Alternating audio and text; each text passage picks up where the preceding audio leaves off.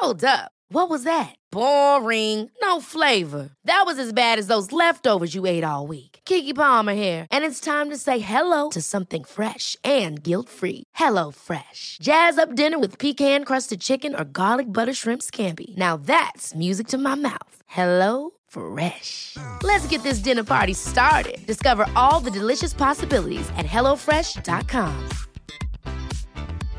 This is Paige, the co-host of Giggly Squad, and I want to tell you about a company that I've been loving, Olive and June. Olive and June gives you everything that you need for a salon quality manicure in one box. And if you break it down, it really comes out to $2 a manicure, which is absolutely insane. It's also so easy to get salon worthy nails at home with Olive and June. The difference between how your nails used to look when you did them yourself and now with the Manny system is a complete game changer. The best thing about Olive and June too is it's a quick dry. Dries in about one minute, lasts for five days, and full coverage in up to one to two coats. Visit oliveandjune.com slash perfectmanny20 for 20% off your first system. That's oliveandjune.com slash perfectmanny20 for 20% off your first system. Hi, I'm Daniel, founder of Pretty Litter. Cats and cat owners deserve better than any old fashioned litter. That's why I teamed up with scientists and veterinarians to create Pretty Litter. Its innovative crystal formula has superior odor control and weighs up to 80% less than clay litter. Pretty Litter even monitors health by changing colors to help detect early signs of potential illness. It's the world's smartest kitty litter. Go to prettylitter.com and use code ACAST for 20% off your first order and a free cat toy. Terms and conditions apply. See site for details.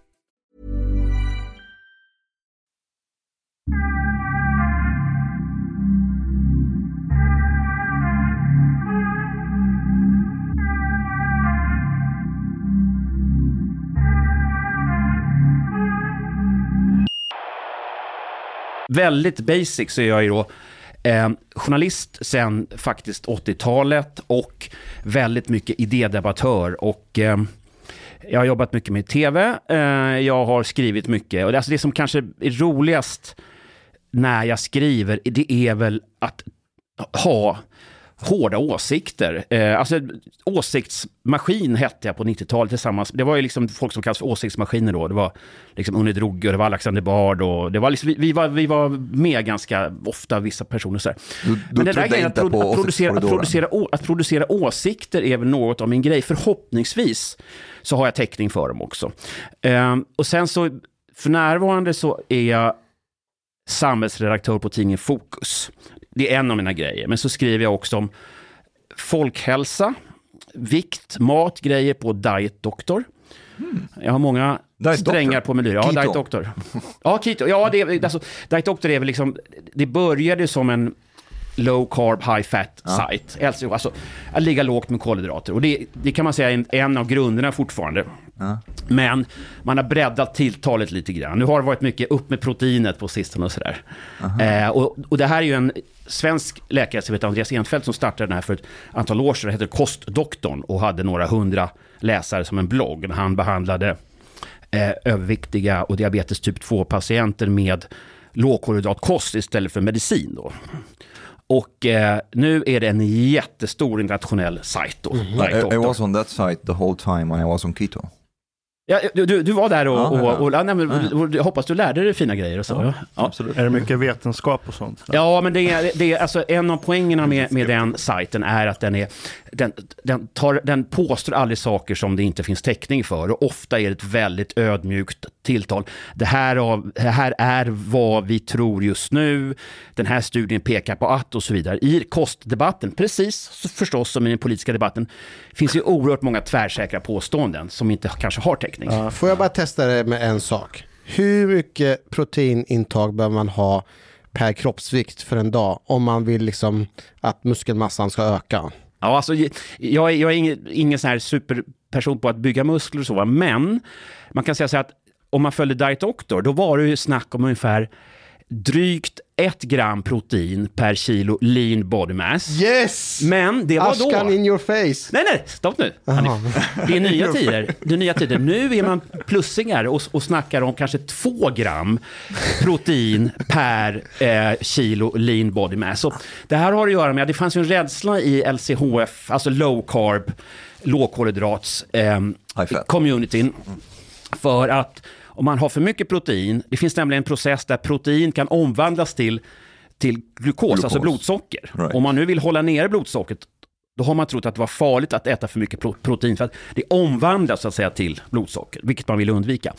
Det heter glykoneogenesis, men den processen är ganska seg. Så att man kan vara ganska slösig eh, i sitt proteinintag och det har vissa fantastiska konsekvenser. En är att protein är så mättande, man blir ju mer mätt på 500 kalorier biff än 500 kalorier chips. De flesta människor funkar så i alla fall. Exakt. Och mättnaden håller längre. Ja, har ni haft en liten beef om det här? Ser jag? Ja, En beef, det är ju rätt ord. Nej, men någon tråkig jävel ska skämta om det där. Plus att det går åt mer energi att processa protein. Så Stämmer. du bränner mer kalorier av att äta protein. Helt korrekt. Det finns ju beräkningar på att alltså 100 kalorier i fett, det tas upp ungefär till 100 kalorier i, alltså i energiomsättning. Men som du säger, Ashkan, ehm, 100 kalorier protein kanske bara tas upp till typ 75 kalorier, för det är en Fuck yeah. väldigt slösaktig process. Är det för att enzymerna måste klippa ner eh, aminosyror och... Så kan man säga. Nedbrytningen kostar mer energi än att bryta ner fett. Jag vill be om ursäkt, en sak? Jag, jag hoppade på Chang här för att han vitsade. Det kan jag säga att jag ger alla göteborgare fripass, och det är du inte. Du är inte göteborgare, det var därför jag var så sträng. Det är klart du ska Tror, få... tror du verkligen att jag bryr mig? Nej, Nej. men lyssnarna kanske tycker att jag var otrevlig mot dig. Ni vet att eh, Erik har vunnit Biggest Loser Sverige. Är det sant? Vad är Biggest Loser för något? Berätta Erik. Det är, det är ett programformat, väldigt stort, det finns ju i hela världen, där man låser in tjockisar på en träningsanläggning och så ska man se vem som går ner mest i vikt. Biggest Under ett loser. antal veckors tid. Aha. Är, är jag helt bortkollrad eller käkade inte vi en gång på Operakällaren? Stämmer? Just det. Ja men då, då funkar min hjärna fortfarande. Har, har, du, har du varit tjock? Ja, alltså jag är ju fortfarande, eller jag är ju inte det jag vill vara, men jag har varit ganska ordentligt tjock. Ja. Hur mycket Och, då? och lå, lågkolhydratkosten var det som så att säga frälste mig från, från det riktigt hemska, för att jag kunde inte kontrollera min, min aptit och så. Alltså det som händer om man är insulinkänslig och eller snarare så här, man är insulinokänslig, insulinresistens. Och vi ska inte krångla in till det här med detaljer, men att jag är troligen en sån som processar kolhydrater ganska dåligt beroende på dålig livsstil. Inte, inte genetiskt, men många års dålig livsstil så gör att jag troligen då inte är världsmästare på att ta hand om kolhydrater på ett bra sätt. Eh, och då finns det en poäng att om man minskar kolhydraterna så, det är fantastiskt, man sänker hungern. Alltså mindre glufsig. Så man trycker i sig mindre kalorier. Det är ju bra om man vill gå ner i vikt, eller hur? Mm. Men det är också så att det finns, dels egen erfarenhet, en massa studier som påtalar en högre energi. Man blir alltså både piggare och till och med mer energislösig när man eh, ligger lågt på kolhydraterna. Och, och, eh, Omra, det, det här när du snackar om keto, du, jag, jag kan tänka på att du har känt det, när man går ner väldigt lågt på kolhydrater, Ja, max, ja. Uh, max 20-30 gram per dag. I, I was on it for, for more than a year, and uh, and during that time I also like uh, did uh, uh, prolonged fasting, like several days, like three days just water, for example, Du, three det four var days. dina bättre dagar. Du var snyggast då. Ja, så, så det är en skillnad. Ja. Det här med fasta är superintressant. Jag vet inte hur mycket vi ska prata kost och grejer, men Jag fasta, är ju, fasta, är ju, 20 timmar fasta är en, har ju funnits många tusen år kan man säga som en idé om, om dels att skaffa sig mental klarhet. Det är inte för inte som de stora religionsgrundarna har gått och fastat och så. Va? Det, finns, det finns i alla religioner idéer om fasta. För att man, det finns liksom ett andligt tillstånd i det hela. Va? Det är också så med fasta att man Ja, teorin är så här, jag, återigen, jag ska inte kanske gå allt för mycket in the weeds här, men att om vi tar människan i ett evolutionärt ursprungstillstånd, när vi inte har mat, är det då en poäng att vi ska vara pigga så vi hittar ny, hittar ny mat, eller kunna jaga och så? Eller bara att vi ska slöa och sega och deppa ihop? Nej, det, det, det är faktiskt så att vi tycks kunna mobilisera det sparade kroppsfettet som potent energi via process som heter ketos. Ehm, och då, mina erfarenheter av fasta, nu har du fastat bara tre dygn tror jag Omar, jag tyckte du sa det eller? Uh, but, uh, one time I went up to almost four days. Ja. Ja, Jag har fastat flera gånger en vecka och en gång faktiskt 14 dagar. Jävlar. Bara svart kaffe. Fuck. Ingen vatten. Ja, ja, ja vatten. Ja. Nej, men vatten. Ja, ja, ja, ja. Hard, hardcore muslim. Nej, men sen så, och sen så lite salt, för att det finns en poäng att, Ja. att ta in salt. Hur- annars kan electrolytes in general. Ja, ja, eh, precis. För att om man inte får in salt så fungerar signaleringen till musklerna sämre. Hur, hur hade du ätit innan det där? Innan de här 14 dagarna? Egentligen är det inte så viktigt. Ja, ja, det finns ju poäng i att, att käka lågkolhydratkost innan man fastar. För att transitionen in i fasta blir enklare då. För då är man så att säga redan inkörd på fettförbränning. Men, men, eh, men oavsett, så efter några dagar så kom en oerhörd pigghet. Och, och dessutom den här ment mental klarhet och en jävla lyckokänsla. Alltså att fasta är ett gratis rus vill jag påstå. Well, actually, actually, you get like uh, your your at least my brain calms down a lot when I, I haven't eaten in 20 hours now, so I'm doing like um, every now and then I have like weight targets, and if I don't go down, I just like don't eat, um, and uh, you get like really calm, um, no anxiety, no stress. En lugn arab. Oh. Det måste vara första gången i världshistorien. Maybe this is why they have to they have to fast. Uh, Men det är som gremlins, man ska inte mata araber. Då, då, då håller det sig lugnt liksom. Oh, but but the thing is, actually, when I when I was Muslim and I used to fast during Ramadan, it was actually pretty tough.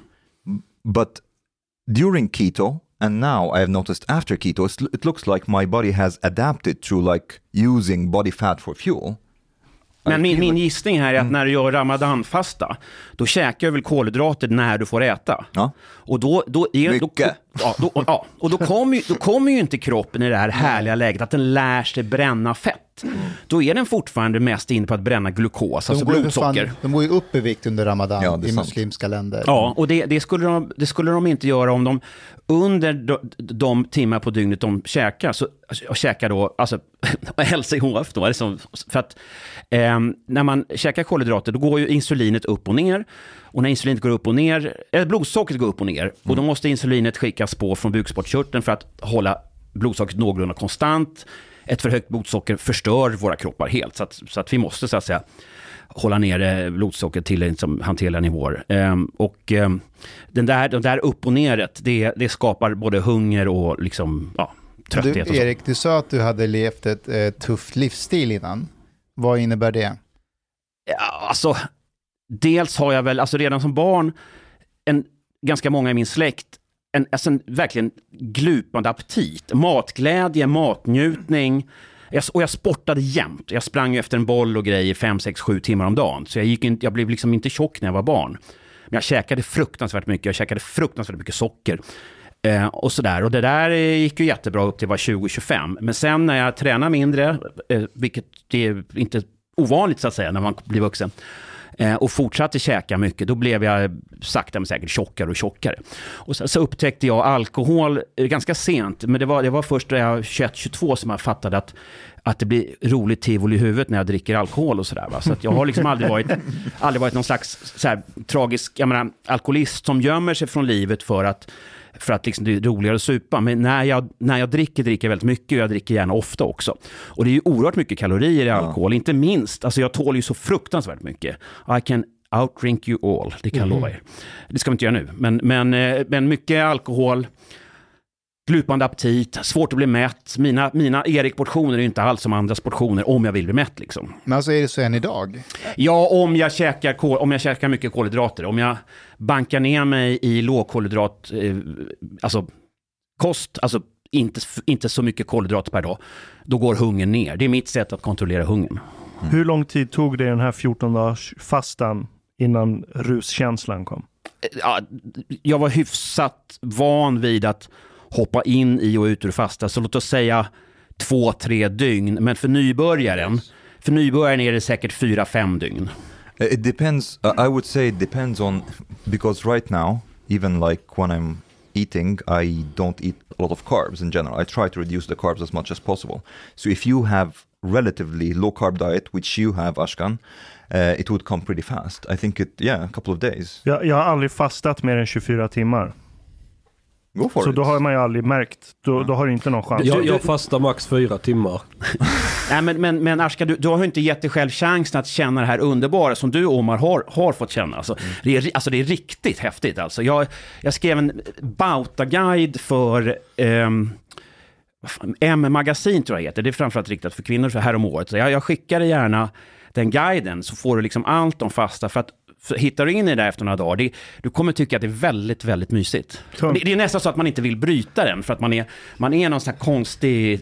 Konst, och det, alltså poängen med det här är att Alltså den här härliga känslan bygger mycket på att hjärnan behöver glukos, alltså blodsocker. Eh, klara, normala fettsyror kan inte hjärnan använda som bränsle, men eh, levern kommer efter några dygn att ställa om eh, sig till att producera en viss sorts fettmolekyl som hjärnan kan använda som bränsle. Det heter keton, ketoner. Det är en speciell fettsyra som hjärnan kan använda. Och när levern är i fullt blås med att producera de här ketonerna, då känner hjärnan att den har energi hela tiden. Så man är, liksom, man är pigg i skallen och dessutom, eftersom, jag brukar ha liknelsen av att um, om man då är i ketos, då äter ju kroppen av sitt eget sparade kroppsfett. Det är som ett skafferi som är öppet 24 timmar om dygnet. Det är lite För hel- kannibalism. För hela tiden så äter du från ditt eget sparade skafferi, alltså det kroppsfett du har. Det, här- det här funkar inte för människor som är supersmala, men om man inte är supersmal så funkar det faktiskt på det sättet. Jag har en fundering, alltså när man går på diet och så, alltså fastar.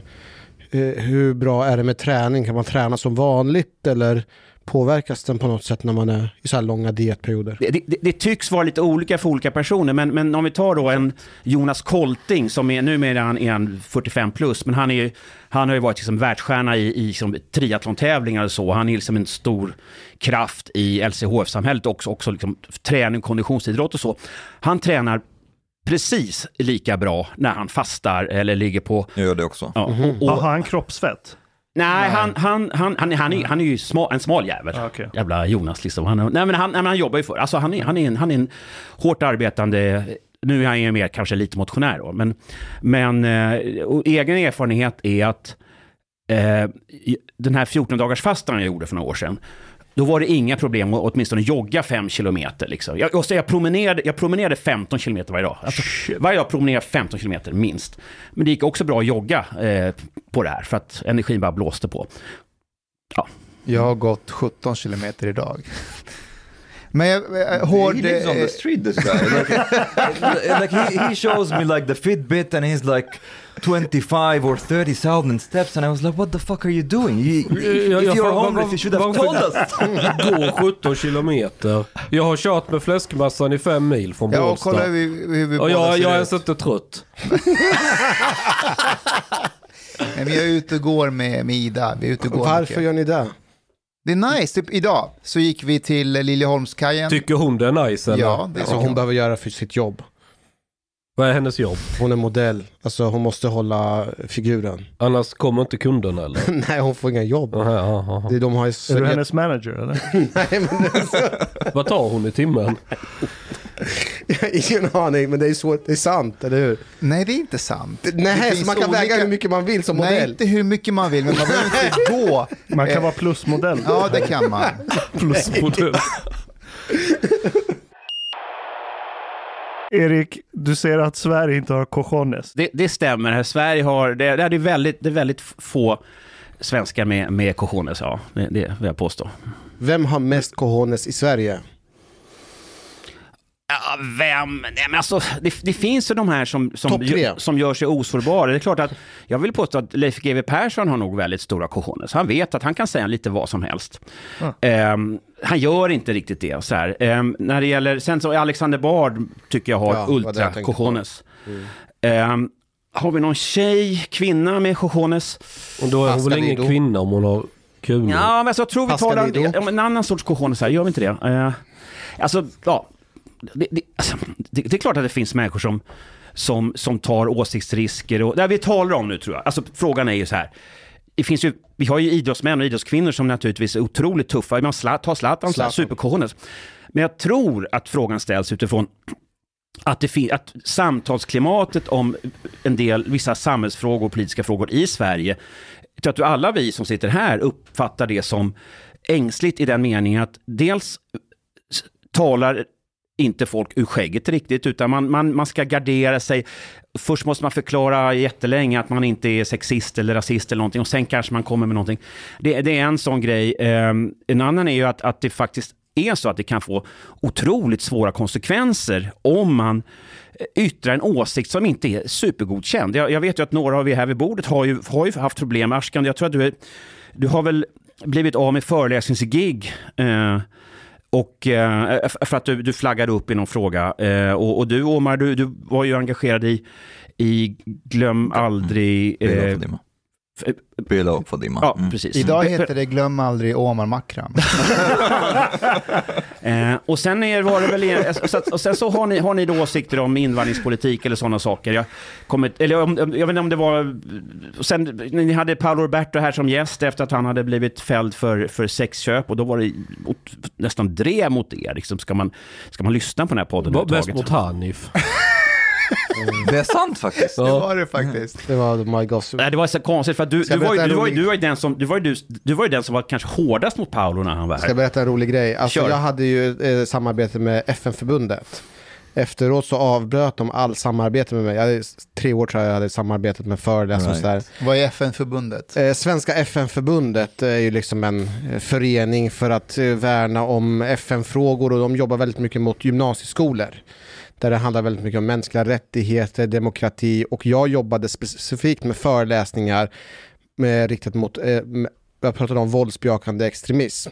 Och under min föreläsning så pratade jag väldigt mycket om att det handlar väldigt mycket om att ha en empatiskt förhållningssätt. Man måste, man måste prata och samtala med personer som är på andra sidan.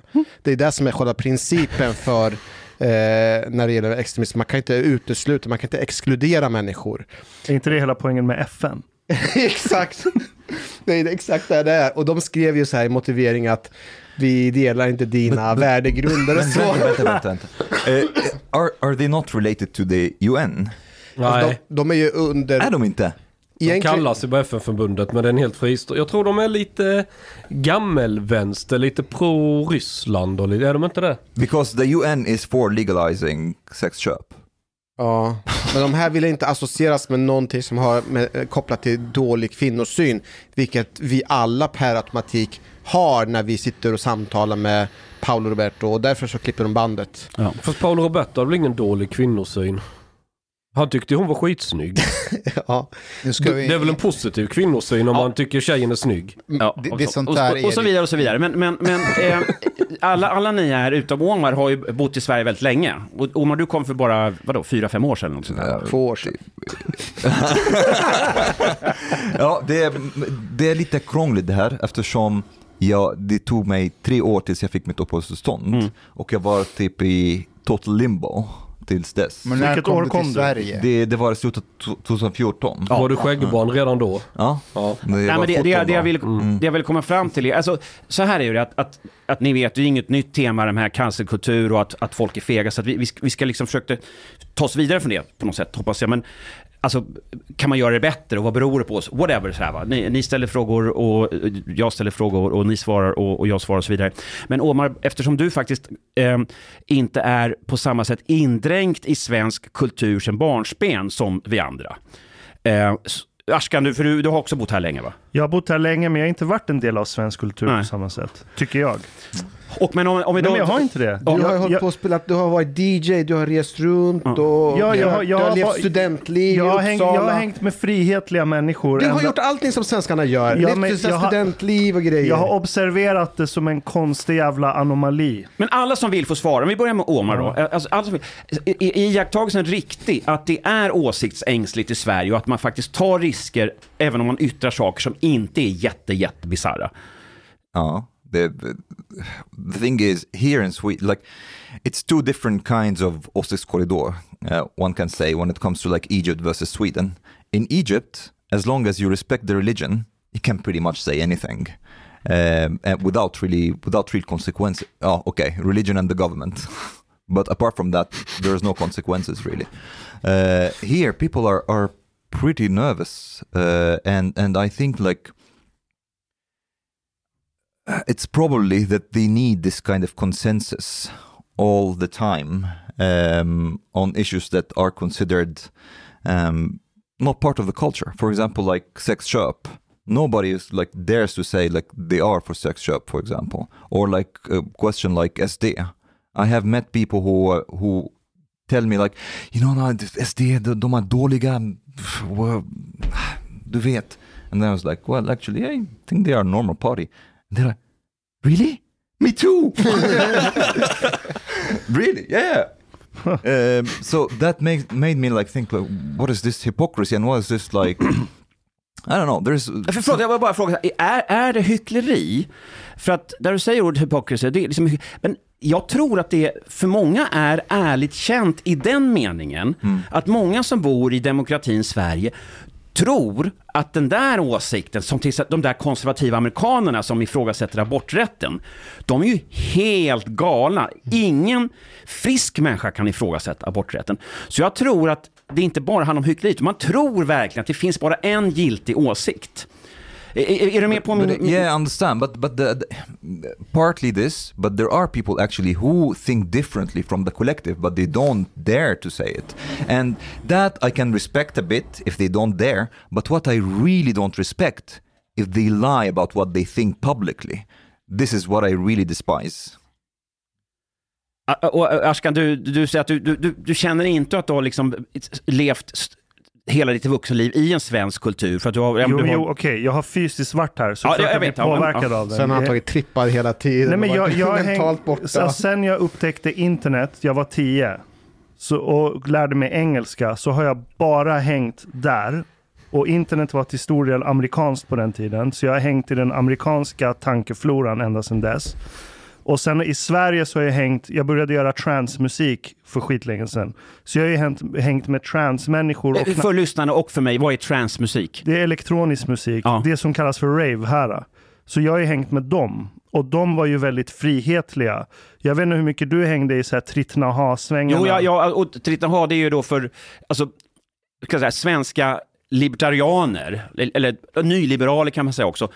Eh, några ledande namn, eh, Christian Gergels var ett sånt namn. Eh, det var i början av, slutet av 80-talet, början av 90-talet, så utmanade man systemet med, med piratradio från Sergels torg, svartklubbar med, med liksom, alltså öppet långt efter att alla andra krogar var öppna och sådär. Och jag, jag, jag var med i den där svängen utifrån att jag jobbade i baren med, med, med författaren Per Hagman och så vidare. Utifrån, det, var, det var en rebelliskhet mot ett ett centralistiskt, eh, paternalistiskt folkhem kan man säga. Och som drog igång då slutet av 80, början av 90-talet. Och, och där var ju, där var ju, fanns ju ett, eh, det var väldigt drivet av frihet. Det var faktiskt också drivet av man vill, hade en idé om att, att ta bort gränser, att alla människor ska få flytta vart de vill och sådana saker. Ehm, men du, var, du, var du redan, alltså var du med jag- på den tiden? Nej, in, inte på den tiden. Nej. Jag, jag är född 85. Eh, Så jag jackade ju in i den sfären långt senare, i det som blev frukten av den sfären. Så det är de människorna jag har hängt med mest här. I alla fall tankemässigt framför allt. Sen var det, kom inte ihåg, jo, när jag doktorerade i Uppsala. Liksom, det var en institution för läkemedelskemi. Och jag tog upp problemet med cannabis och varför det är olagligt. För att all forskning som vi själva sitter och är en del av säger att det borde inte vara olagligt. Då börjar jag märka att det finns en sån här tabubeläggningskultur här. Och att du blir snabbt utfryst. Så det fick mig att börja bli intresserad av svensk politik. Jag var helt jävla ointresserad av det innan. Och flyktingvågen 2015. Jag kommer ihåg min pappa berättade att han åkte till centralstationen av ren nyfikenhet för att se liksom vad, vad som håller på för, eh, för sig där. Och så såg han en, någon som var involverad i moskén. I han, där han, han jobbar i Rinkeby, så han känner till många människor som är engagerade i sådana kretsar. Och då såg han en person som han kände igen från moskén som stod där och lastade på folk som kom direkt från alla de här länderna. Han lastade in dem i en van. Och så skickade han iväg den här vanen och så gick han och frågade så här, vad gör du med de här människorna? Ska inte de bokföras? Ska de inte liksom få något så här samordningsnummer?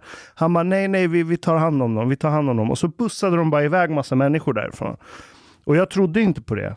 Eller jag tyckte det lät helt absurt. Och det var då jag började kolla vad fan det är som händer. Så det är ju sedan dess jag insåg hur weird det här landet var, är. det var lite då du åt röda pillret när det gäller just den här frågan. Då, kan man se, se det var kognitiv dissonans ganska Ja. länge. För jag tror att en, en, en sak som, som, som hände var att vi, vi som har varit, alltså bo, bor i Sverige, födda i Sverige, har en idé om hur Sverige har funkat. Alltså man tänker att Sverige, var det än är, det kan vara lite byråkratiskt och fyrkantigt, men i alla fall välordnat. Va?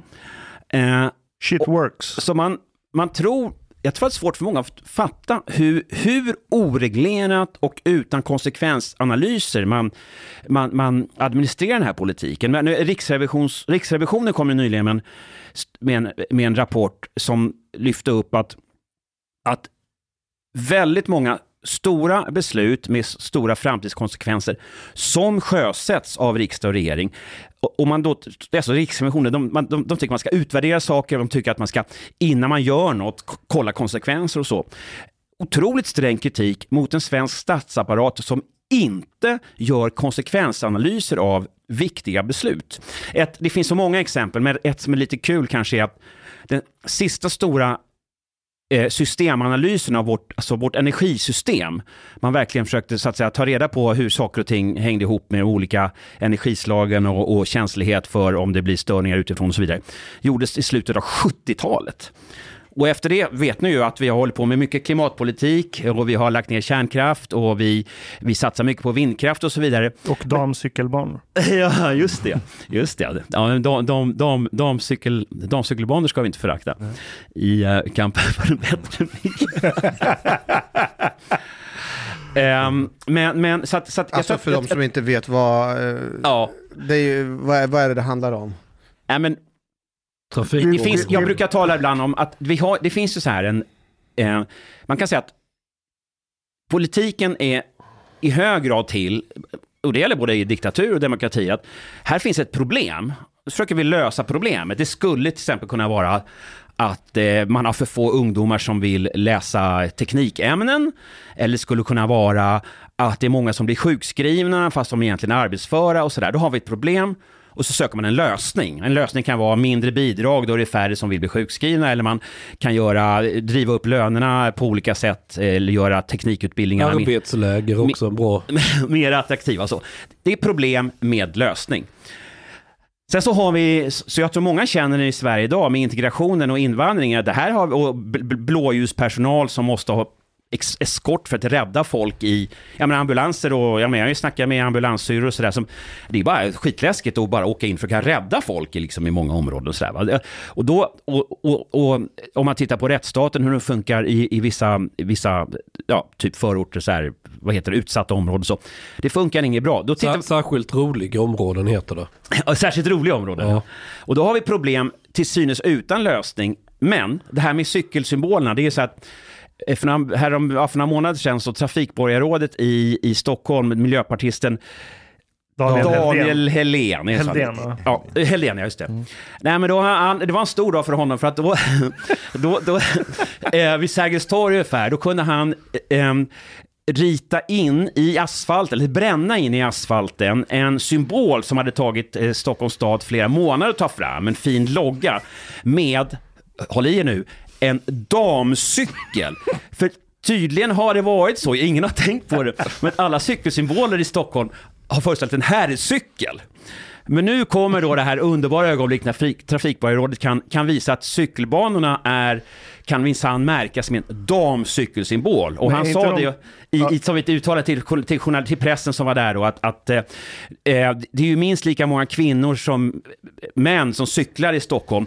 Nu får de äntligen känna sig sedda här. But isn't this like sexual är ett- Jag tänkte, är inte MP never- HBTQ-certifierade? Det, det, det är transfobiskt. It- it- It's not just that. Fan, det I've never really thought. I've never really thought about like you know that there is like women's bicycles and men's Jag bicycles. har aldrig tänkt på det heller. Nej. Men, men, men, vänta. och, och det här har vi alltså, det här har vi då, det tredje kategorin, det är alltså, man har en lösning på ett icke-problem. Det är alltså ett totalt icke-problem. I- Svenska kvinnor, Stockholmskvinnor har inte känt sig kränkta när de har cyklat på cykelbanor märkta med en herrcykelsymbol. Och som du säger Omar, man tänker inte ens på vad det är för symbol. Ingen har känt sig kränkt, ändå ska detta styra upp, styras upp. Och Sverige är ganska bra på det här. Vi alltså har ehm, vi erbjuder lösningar på icke-problem. Oj, är det fler killar som pluggar till ingenjör än tjejer? Åh, fruktansvärt! Techsatsning, techsatsning, techsatsning. Det är väl inget problem om nå- några fler killar än tjejer blir ingenjörer? Eh, Jag, jag, jag, har, jag har en teori om det där, om eh, Daniel Helldén. Jag tror att han är ett geni egentligen. Jag tror att han har insett att de som sitter i Miljöpartiet, de är kassa, de måste åka ur riksdagen. ja, och så, så tänker jag så här, det här kanske, det här kommer få, folk kommer inte rösta på som gör det här. Och så vill han åka ur och så vill Mm. han slänga ut alla de här från partiet och så vill han göra ett omtag och börja om från början igen. Eller så För kan det han kan bara... inte vara så här kast. Det går inte att vara så här dåligt. Eller så kan han ju bara byta parti annars om han känner att det går åt helvete. Vad ska han gå till? Eh, Det får han väl bestämma själv. Centerpartiet. Klimatalliansen. Och just det, klimatet. Den, Men- men- den breda mitten. Men Erik, du skrev att det här, ja, men när man har lösningar till problem som inte finns, det är ett tecken på dekadens i ett Ja, samhälle. ja, ja. Vad, eh, En fråga, eh, det här med... Du, Ja, han förlåt, håller ju på. Ja. Jag Varför- tänkte på det här abortgrejen, är inte det samma sak?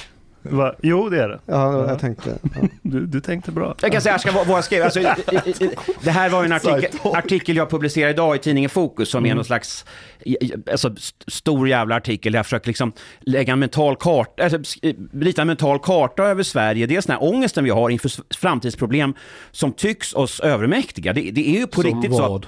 Nej, men, jag, jag, jag hör en desperation i rösten hos ledande politiker när de pratar om fler poliser och hårdare straff och, och eh, tajtare invandring. För att de, de, de ser alltså problem eh, som inte bara finns i vissa storstadsförorter, det vet vi. Alltså det var ju en snut nyligen som sa att liksom hela, ja, men hela, hela landsbygden är full av typ brist på kontroll. Eh, och de här, de, de har ju pratat nu om fler poliser väldigt länge, de har pratat om Hårdare straff har man kanske inte pratat om jättelänge, men man har pratat om integration, integration, integration. Det ska vara mer, bättre fritidsgårdar, mer satsningar på skolan. Och ni vet, man bara häller på pengar, man häller på pengar. Men det är inte... Om man har testat att hälla pengar på problemet nu i 20 år, vad är det som säger att, man, att det plötsligt ska lösa sig? Va? Eh, så att jag, jag, hör en, jag hör en desperation nu eh, och... Eh, ja, But isn't it possible that uh, basically they understand that it's a hopeless case for the time being, but they cannot say that. They cannot say, like I'm imagining a politician coming out and saying, by the way, these problems that we have with criminality, integration, and so on, we just have to wait them out for a while.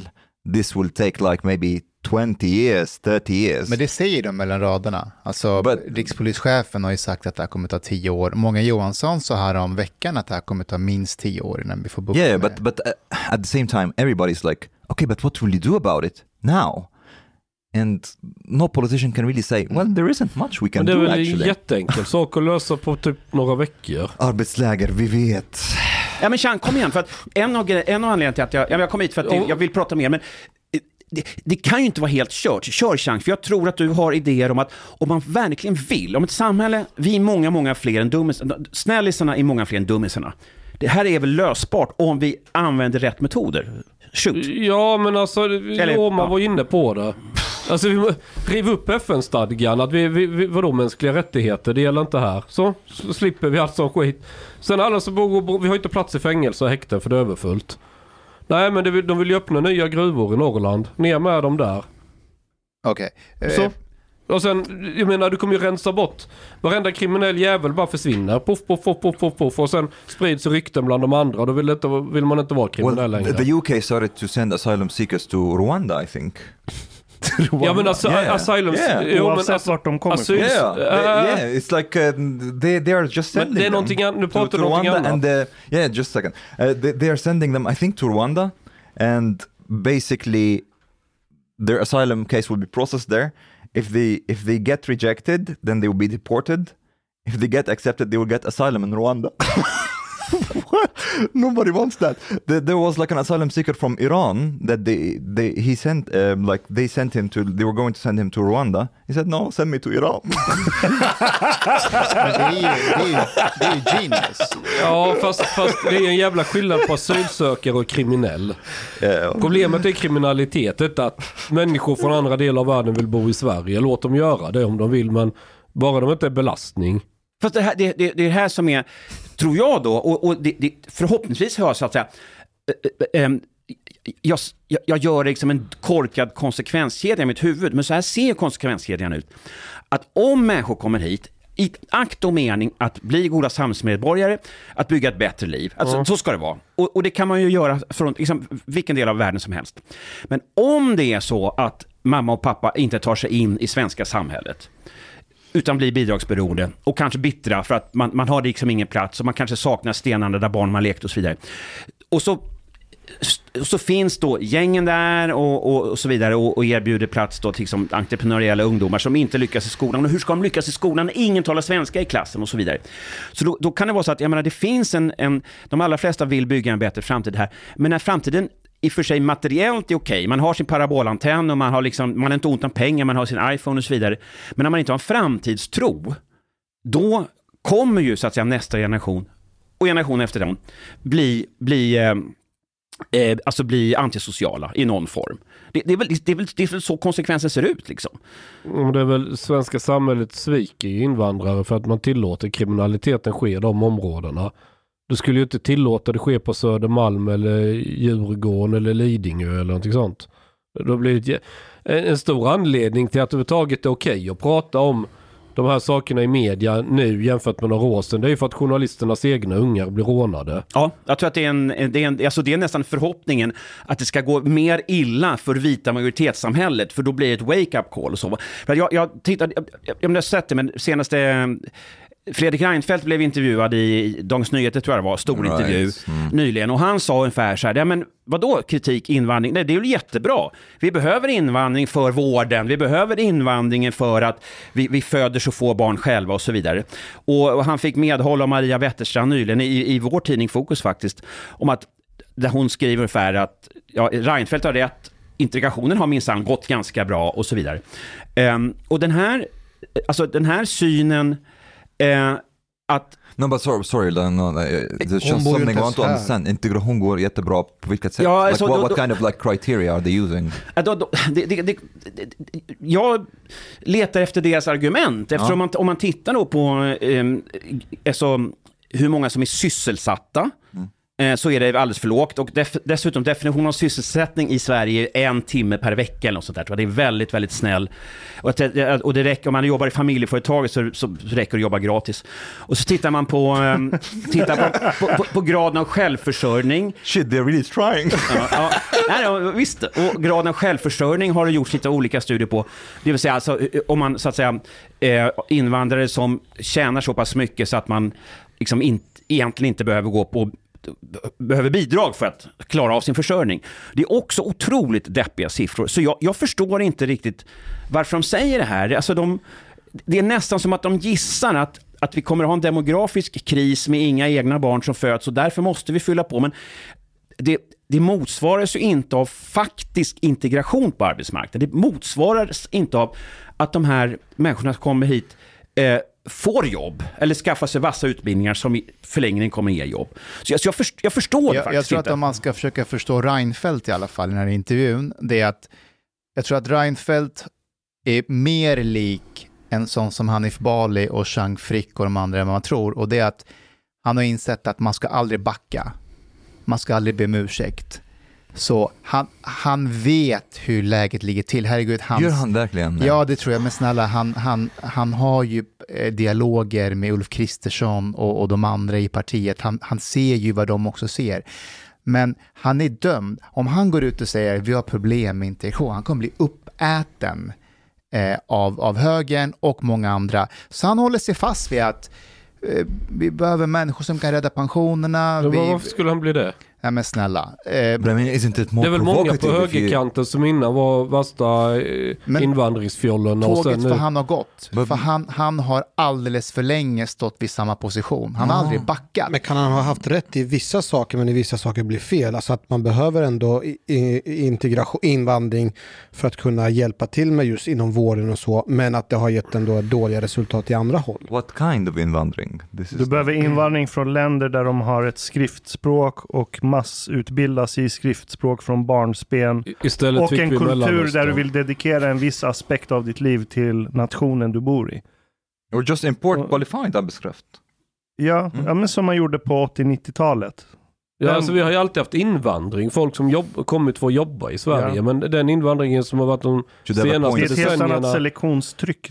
Nej, de senaste decennierna så har vi ju lockat hit folk med bidrag mer eller mindre. Att de har inte kommit för att de ska få jobba. Du har, du har delvis rätt, Chang. Du säger alltid haft, när vi, vi hade faktiskt otroligt lite invandring till Sverige fram till egentligen slutet av andra världskriget. Då hade vi ganska mycket flyktinginvandring för att det var, det var så oroligt i Europa och sen så fortsatte, vi hade faktiskt väldigt lite invandring invandring. Man pratar om vallonerna på 1600-1700-talet, men det var bara det var tusen Alltså eller jag, 2000 jag pratar stycken. 70-80-tal. Ja, ja, ja. Det senaste decenniet. Men du sa vi har alltid haft och så vidare. Men sen är Ja, alltså alltid. Du menar men jag alltid... var bara, Ja, och, och, okej. då var det så att, och fram till och med ungefär 1970, då var invandringen bestående av arbetskraftsinvandring. Det var eh, Atlas Copco, Volvo, företag som, som i princip med statens hjälp eller själva åkte ner till Italien, Jugoslavien eller österut till Finland och så, kom hit och jobbade och så jobbade man några dagar senare vid löpande bandet. Och det var den här, den här invandringen, alltså fram till ungefär 1970, den gick ju hur bra som helst. Vi gick med vinst som samhälle, Invandrarna fick jobb. Det var inga konstigheter. Eh, och sen så stängde, sen ville LO, vilket är helt okej kan man tycka, de ville inte ha lönekonkurrens. De, ville liksom inte, de var rädda att invandringen skulle trycka ner lönerna. Och vi hade också strukturkris i Sverige utifrån att varven lades ner och teko lades ner, och, alltså konfektionsindustrin. Så det, man var rädd för arbetslöshet och då var man lite rädd för att importera arbetskraft, så skulle arbetslösheten kanske öka. Så då hade vi ingen invandring ett tag. Och sen så slutade vi med, helt då med arbetskraftsinvandring och så hade vi massa flyktinginvandring. Det började med chilenare och iranier och sådana saker. Du, jag måste fråga dig. Så vi, vi bytte liksom, vi, vi hade Men invandring... var, varför började man med flyktinginvandring? Ja, ja, ja, ja, det, det där tror jag, det där är en super, super, superfråga. Men eh, ja, Mustafa, kör. Jag, jag vill fråga dig, du, du växte upp i ett socialdemokratiskt hem. Yes. Pappa var ju ett toppnamn inom Ja, min, Socialdemokraterna. styr, min styvfar, han, han var, när jag var barn var han liksom, eh, alltså Kjell-Olof Feldt då, han, han var den som så att säga skulle ta över efter finans, alltså den, finansministern före honom i sosseriet, Gunnar Sträng. Och han blev sen, min styvfar, finansminister 1982 efter att sossarna kom tillbaka som regeringsinnehavare efter då sex års eh, opposition. Har vi haft en, sta- en finansminister som heter Gunnar Sträng? Ja, vi har, och han, alltså han var den, han var, Alltså, vi har en partisekreterare för Moderaterna idag som heter Gunnar Sträng. Gunnar Strömmer. Gunnar Strömmer, sorry. Ja. Eh, nej men eh, så att, så att, och när jag, och det var jävligt kul, alltså, han, jag var ju nästan 18 när han blev finansminister, men, men hela uppväxten var ju präglad av frejdiga politiska snack och så. Va? Men då var det ju andra frågor man pratade om. Då var det just det här strukturkrisen, hur ska Sverige kicka igång nya, alltså, nya arbetsplatser när, de här, när, när man blir av med gruvjobb och varvsjobb och tekojobb och så. så det, det här, alltså invandring var ju en icke-fråga då egentligen eh, på 70-talet eftersom vi, vi slutade ju med, vi slutade med invandring förutom att vi hade, ganska, vi hade lite flyktinginvandring från Chile och Iran och så. Men vad, vad, vad, vad var frågan, vad var svaret på den? Ja, nej, men jag tycker det var någon som ställde frågan här. Varför, varför kom vi på att vi skulle bli den humanitä humanitära stormakten utifrån flyktinginvandring? Alltså att vi hade arbetskraftsinvandring, det var ju helt enkelt så att vi tjänade på det. Och så, och så var det härligt att få hjälpa folk från, från fattiga delar av Europa att, att bygga ett bra liv. Det här var ju succé. Italien, fattiga Italien. Ja men, ja, men relativt ändå. De, många ville ju komma hit ändå, så var det faktiskt. Österrikare, italienare, jugoslaver och så. De, de ville ju Italy komma hit. was pretty poor, actually. Vad sa du? Italy was really poor. Ja, det var det kanske. Ja.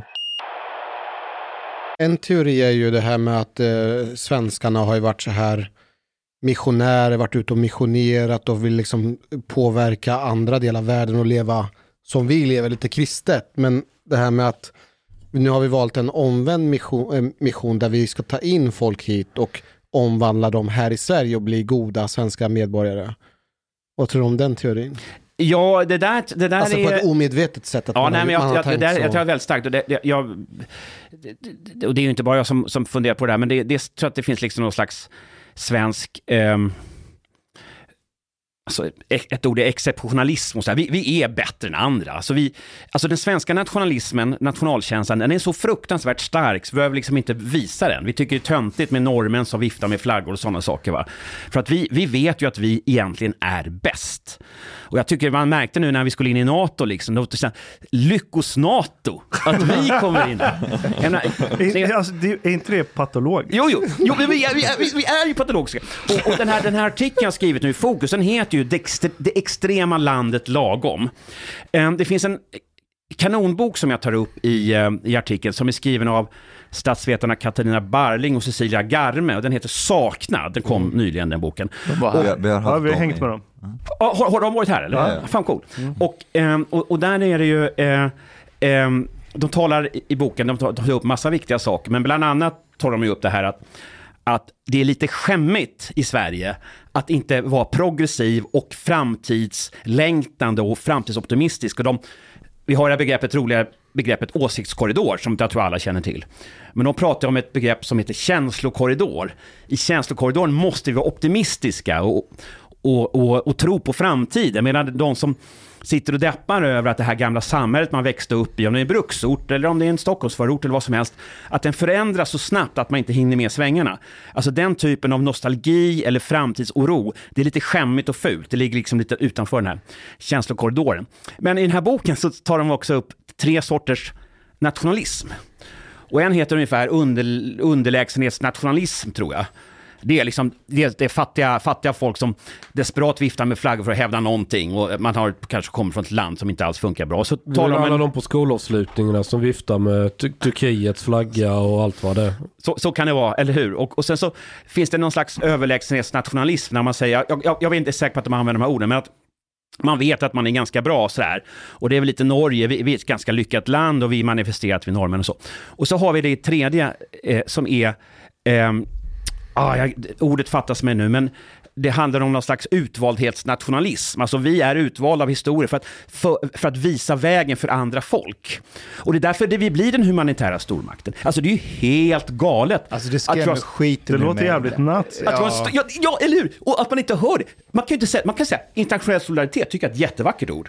Och, och man kan hålla på. Och, och Sverige har den här traditionen av att vi har, alltså, om det är bistånd eller om det, det är liksom, och, och framförallt internationell handel. Vi är ju grymma på, på export och import och vi är nyfikna. Och jag menar, Ashkan, du som, du som gör liksom, elektronisk musik, ja, du, du vet ju att det är många för att vara ett litet land är vi bra på att plocka upp em, saker som händer i världen kulturellt, popkulturellt och sådär. But but at the same time though, like, uh, and you wrote this like in your article that there is this gap between the politicians, or one can say the establishment, and the people, because the people have wanted since the 90s perhaps to have less uh, flyktingar. Ja. Eller hur? Ja.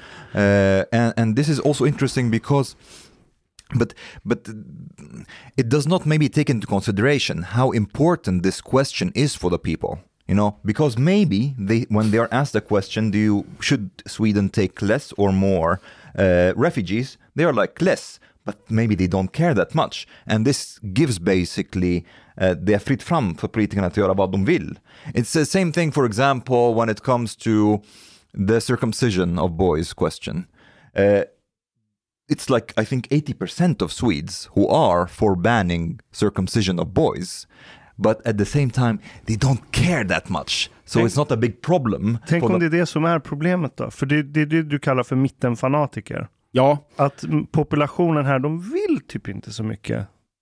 Yeah. Det är så här, vad tycker du om omskärelse? Jag tycker det här, men ah, det spelar inte så stor roll It, för it mig. could be that, but Precis som du säger. could be. But on the other hand, there is also a more, uh, um, a simpler and more hu- human uh, explanation for that. People care most about things that affect them. Uh, person. So, for example, why would Swedish normal Swedish families really care about circumcision of boys? They don't care that much. It doesn't affect them. Like if you try to circumcise their boys, yes, they will ban it. but as long as you don't, and and there are a lot of people in Sweden who don't really come in contact directly with the consequences of, of mass migration. So maybe they didn't care that much. Nej, men jag, jag, jag, det där är, är naturligtvis en viktig förklaring. Jag brukar ibland prata om Versailles och Paris gator. Det är på Paris gator man märker att, att det är ont om bröd, så att säga. Och där, där, där kommer liksom eh, eh, revolutionen igång. Men i Versailles, då lever man ju bra. Och kan gå, alltså, man kan ha, gå med skygglappar för utvecklingen. Och, och det är ju så att och vi, alltså vi måste ju nu prata om, om med ledande medier, medieföreträdare. För de lever också i de här områdena, det är ganska lugnt. Alltså man, det, det är inte, nu har det hållit på att ändras lite, men att det är inga jätteproblem med brottslighet och skolorna funkar, funkar liksom hyggligt. Utan det är när man har, man har skin in the game, så att säga. Man, nu, nu bör- blir mitt liv sämre också, eller hotar att bli sämre. Um, så, så, eh, så eh, det, det är då det kan bli politisk förändring.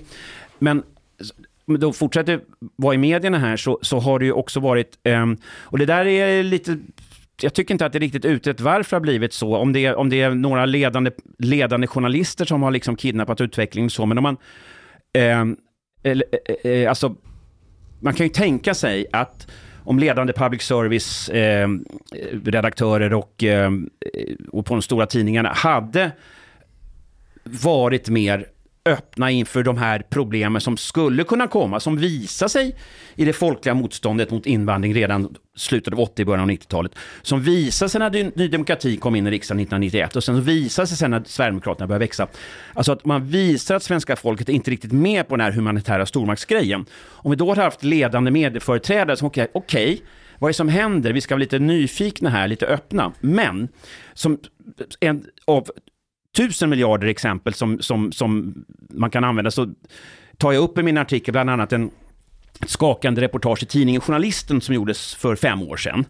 Det var alltså efter flyktingkrisen, eh, den så kallade flyktingkrisen, men, men ja, för fem år sedan gjordes den här.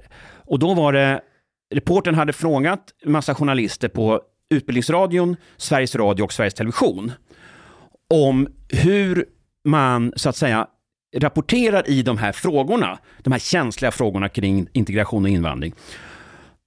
Reportaget hette Därför är det så tyst. Och de här journalisterna, de, ingen ville vara med med namn, i stort sett ingen. Men någon sa att de här frågorna är otroligt laddade på redaktionsmöten och man kan bli snabbt utfulad om man försöker driva dem. Så att man ska helst bekräfta den här huvudstoryn om att invandring på det stora hela är bra. Om man då kommer med, med frågetecken eller vill... Och, och ta Jörgen Wittfeldt som ju var en, en, en tung Sveriges Radio-reporter. Han, han, han har ju berättat i efterhand om han... Han gjorde cirka 2015, jag ska inte säga exakt årtal, men reportage om ensamkommande, så kallade ensamkommande från så kallade barn från typ, så påstått Afghanistan. They det var ju come ofta, alone. Förlåt? They did come alone. Ja. De är ensamkommande. Och de, de eh, många var ju ankar, ankare och de var inte barn och de... Eh, Vad menar du med ankare? att, att man, man säger här, familjen skickar en för för att man ska... Eh, man, man ska säga att man är, man är under 18 för att få Eh, för att få eh, uppehållstillstånd i Sverige och sen kan, de, kan familjen ansluta och sådär. Jag har ju intervjuat folk som sa att det här gick ju liksom inte, som jobbade med ensamkommande, det här gick ju inte att ta upp med cheferna, det var bara locket på. Man får liksom inte ifrågasätta den här idén att om man säger att man är under 18, ja då är det så bara. Och eh, de kommer från Afghanistan allihop, även om vi egentligen vet att många kom från Iran och så vidare. Eh, och eh, en, alltså en, en journalist som faktiskt var med i reportage, ja, Jörgen Wittfeldt gjorde då reportage om detta och berättade sen att kollegorna hälsade inte i korridoren på Sveriges Radio Shit. dagen efter. För att det var något man inte fick ta upp. Att det var fiffel och båg med en del ensamkommande. Janne Josefsson, som är en av dem som i det här reportaget som heter då Därför är det så tyst, eh, framträdde med namn. Och han, han bekräftar den här bilden. Att det, folk hälsar inte och det blir jävligt ot, oskön stämning. Så vi har alltså, politikerna måste ju ändå navigera i en, i en omvärld där de får så att säga, spinn på sina idéer och så. Va?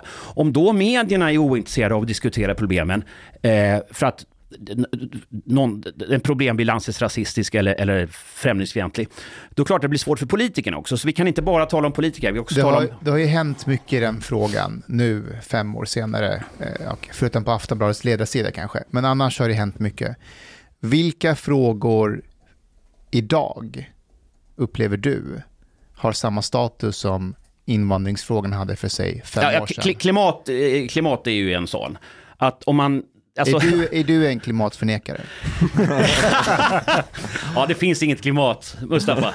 Klimat finns ju inte. Nej då, men jag, jag, det finns inget väder heller. Det finns bara... Det finns inget...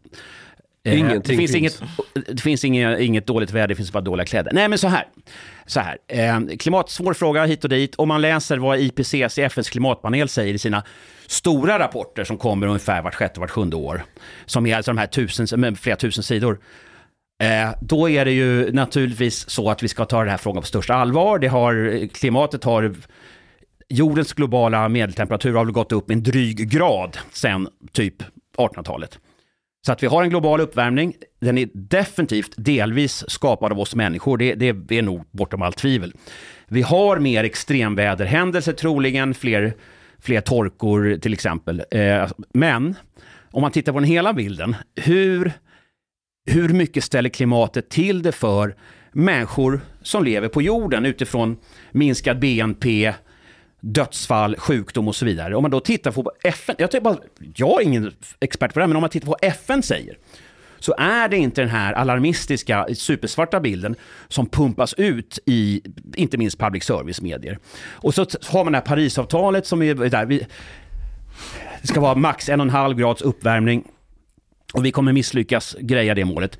Ja, den här en och en halv graden, det är många som inte är med på det. Det är inte från nu alltså, utan det är från 1800-talet och vi har redan värmt upp med kanske 1,2 grader. Så det är bara 0,3 grader kvar. Så att vi har alltså satt ett mål i Parisavtalet som är omöjligt att uppnå. Alltså redan med de utsläpp vi har satt igång så kommer vi... Men det var, det var viktigt det du sa om just eh, vad FN säger, för det är ju trots allt färre som dör av väderrelaterade händelser. Intressant grej där, om man tittar på hur många som dör av väderhändelser på jorden idag jämfört med för hundra år sedan, så cirka bara en hundradel så många justerat för hur många vi är på jorden. Eh, och det här beror ju mycket på att, dels lite grann att vi har bättre sjukvård och så, men man har bättre varningssystem till exempel. Har solidare byggnader som inte på samma sätt eh, går åt helvete om det kommer en orkan eller någonting. Färre fryser väl ihjäl med när det blir varmare? Ja, det är faktiskt så att, att det är fortfarande så i världen att fler dör av köld än av värme. Så att den globala uppvärmningen nettomässigt så är det troligen så att, så att, att, att, så att säga, det, vi, vi räddar fler från kölddöden än vi driver in folk i Det är värmedöden. alltid det jag tänker när jag vrider runt nyckeln på min Impala. Ja. Att jag, jag gör en insats nu Varje gång jag ser på SVT eller TV4 eh, när vädret kommer, och den här kartan, det är som att det är en lava i Sverige. Ja. Vi, kom, vi kommer att dö. Det, det brinner i hela Sverige. Jag fattar inte varför den är alltid så röd och det är så här 22 grader. Ja, men, och, alltså, det var ett reportage nyligen på SVT, det är Aktuellt eller Rapport, klimatreportage. Och då var det, det var en av de här ledande, ska jag säga, alarmistiska reporterna, en person som jag har stor respekt för, en fantastisk skribent och allt möjligt, och, och tv-reporter. Behöver inte gå in på namn här, men hon hade ju träffat eh, amerikanska, eh, förlåt, engelska eh, lantbrukare. Och de pratade om eh, det här att man, man lägger ner engelska lantbruk och eh, anlägger golfbanor tror jag. Eller, eller nej, man planterar nog mest träd, så var det. Man, man lägger ner lantbruk och planterar träd. Och träd är ju bra koldioxidfällor, det vill säga det fångar in koldioxid, ja det är väl bra. Och jordbruk, eh, så att säga, levererar ut koldioxid i atmosfären. Så det är bra att vi lägger ner jordbruk och planterar träd. Men, som den här lantbrukaren sa i reportaget, nu producerar vi ju mindre livsmedel i, i Storbritannien. Så måste importera livsmedel någon annanstans ifrån. Och då blir det ju mer klimatutsläpp i de länder från vilka vi, vi importerar livsmedel. Så nettot är ju bara kalla, alltså nettot är ingen vinst för klimatet, utan det är bara att man, vi i Storbritannien nu, vi lägger ner jordbruk för att visa att vi tar kli, våra klimatmål på allvar, men det påverkar ju inte ett dugg eh, de, de globala koldioxidutsläppen. Okej, Eftersom så- maten måste produceras någon annanstans. Klimatfrågan, vilka, vilka fler frågor får man? legalization of cannabis and uh, decriminalization of drugs. Ja, där har det väl blivit lite bättre, Ja, är det det inte har så? det. Jag Men har det Ja, verkligen? det har det. Ja, But, uh, det har det. But where is the okay? Wait, wait, wait.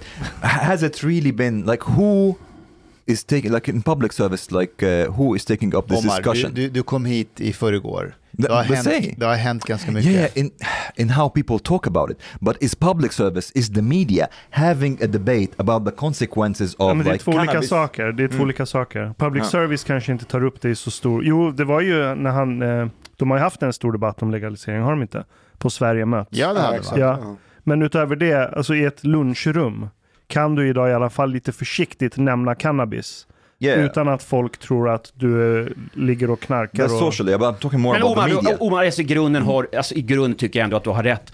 Om man frågar liksom människor i, i min ålder, jag är född på 60-talet, eller liksom mina, de som är äldre jag, de flesta frågar liksom, är de tror att missbruk och bruk är samma sak. I stort sett tror de att den som brukar narkotika också missbrukar. De fattar inte riktigt att de flesta som, som eh, brukar narkotika, som ja, någon, helgrus eller vad som helst, slappna av, faktiskt inte trillar in i miss... Den stora majoriteten människor som brukar narkotika blir inte missbrukare. Och det förstår nog inte halvgamla och gamla svenskar. Yeah, but I'm not. I'm not talking about the people. I'm talking about the more about the media and how the media and what they choose to like this, like uh, basically lift up.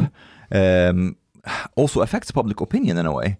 So imagine if we had like a very rich discussion about legalization of drugs and its consequences, for example, gang criminality. It's like, for me, like a, a, a discussion on on uh, on fighting gang criminality without at least a discussion about legalization of drugs legalization of cannabis is not. We don't really have like a discussion on criminality. Nej, men jag, jag, jag, håller- jag håller med där. Och det, det där är ju liksom en... Alltså, om man har följt svensk samhällsdiskussion väldigt länge, som jag har, alltså sedan 80-talet, eller ja, egentligen kanske ännu tidigare, så det är fascinerande hur vi etablerar den här du, du var inne på Ashkan, eh, och jag tror lite utifrån min artikel och sådär, men talar om någon slags fanatisk mittenkonsensus eller någonting sådär. Folk vill ju inte sticka ut för mycket, och det, det kan man respektera.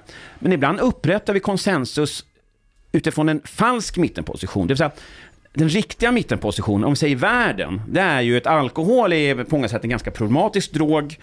Eh, cannabis eh, är, är, den kan, kan också vara problematisk, men den, den skapar liksom inte en massa aggressivitet och våld och grejer och sådär. Så att en mittenposition kanske ska vara att vi, att man så att säga, alla människor kommer att använda droger på olika sätt. Nu ska vi titta lite grann på vilka som ställer till det mest och så. Det, det kan vara en mittenposition utifrån vad vi vet i världen om olika droger.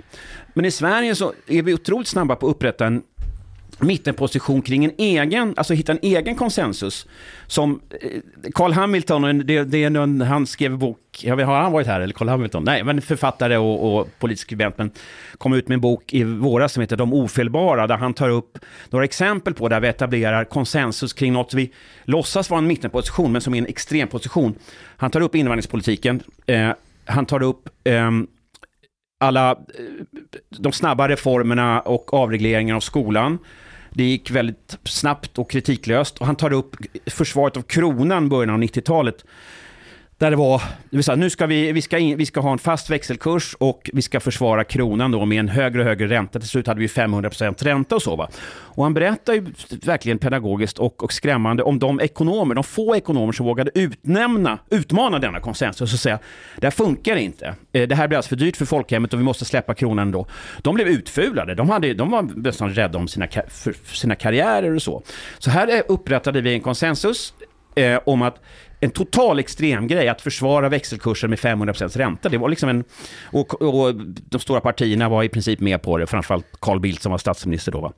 Ehm, och då, vi är lite lagom, man vill inte sticka ut, jobbigt att vara emot gruppen. Och det kan ju kanske vara rimligt om, man, om, om gruppen har hittat en, någon slags solid mittenposition som är reell. Men ofta så upprättar vi då den här mitten, mittenpunkten kring någonting som är ganska knasigt. Ett annat exempel eh, är när vi bara lå, låtsas om att det inte finns några skillnader mellan kvinnor och män biologiskt. Det, det, jag vet inte om regeringen har länge, men på regering.se kunde man länge läsa att kön är en social konstruktion. Stor på regeringens hemsida? Ja, det stod på regeringens hemsida. Kön är en social konstruktion. Och alla de här satsningarna på att pa, pa, Varför måste de skriva det? pappor ska vara hemma med med barn lika att mycket som mammorna. Kvinnor ska plugga tech lika mycket som, som männen och så va. Eh, och det där är ju så att säga, det är ju inte en, det är ju inte en konsensusidé eller en mittenidé. Det är en, det är en extremistisk, bisarr fantasi. Att evolutionen inte skulle efter några miljoner då på primater Men om jag- om jag- skakat fram lite Om könsskillnader. jag ska försvara den svenska hållningen lite. Okej. Du har lyssnat så här långt. På sista måltid. En mycket fin radioprogram i Sverige. Du tycker det är mycket trevligt. Men, min vän, lyssna på mig nu. Du har inte betalat biljett på klubb sista måltid. De har blatte grabbarna de behöver pengar. Flis. Lax. Stolar. Dyra bilar. Lyxhotell. Du vet. Då måste du betala om du ska lyssna mer. Du får många fler avsnitt också. Paket erbjudande, helt enkelt. Läs i beskrivning för avsnitt, där det finns information för att bli medlem på klubbista måltid. Det kostar som en mycket liten kaffe latte ute på torget. Per månad. Lätt som en plätt. Tack,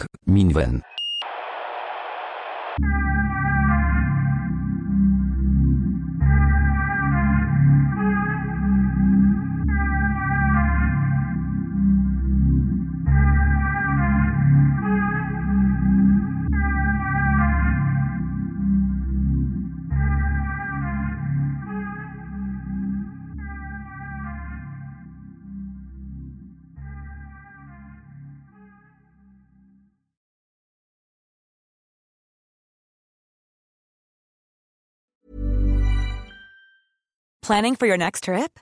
Elevate your travel style with Quince. Quince has all the jet setting essentials you'll want for your next getaway, like European linen, premium luggage options, buttery soft Italian leather bags, and so much more. And is all priced at 50 to 80% less than similar brands. Plus, Quince only works with factories that use safe and ethical manufacturing practices. Pack your bags with high-quality essentials you'll be wearing for vacations to come with Quince. Go to quince.com slash pack for free shipping and 365-day returns. Ever catch yourself eating the same flavorless dinner three days in a row? Dreaming of something better? Well, HelloFresh is your guilt-free dream come true, baby. It's me, Kiki Palmer. Let's wake up those taste buds with hot, juicy pecan-crusted chicken or garlic butter shrimp scampi. Mm. Hello Fresh. Stop dreaming of all the delicious possibilities and dig in at HelloFresh.com. Let's get this dinner party started. Hi, I'm Daniel, founder of Pretty Litter. Did you know cats tend to hide symptoms of sickness and pain? I learned this the hard way after losing my cat, Gingy. So I created Pretty Litter, a health monitoring litter that helps detect early signs of illness by changing colors, saving you money and potentially your cat's life. Pretty Litter is veterinarian developed, and it's the easiest way to keep tabs on your fur baby's health right at home. Go to prettylitter.com and use code ACAST for 20% off your first order and a free cat toy. Terms and conditions apply. See site for details.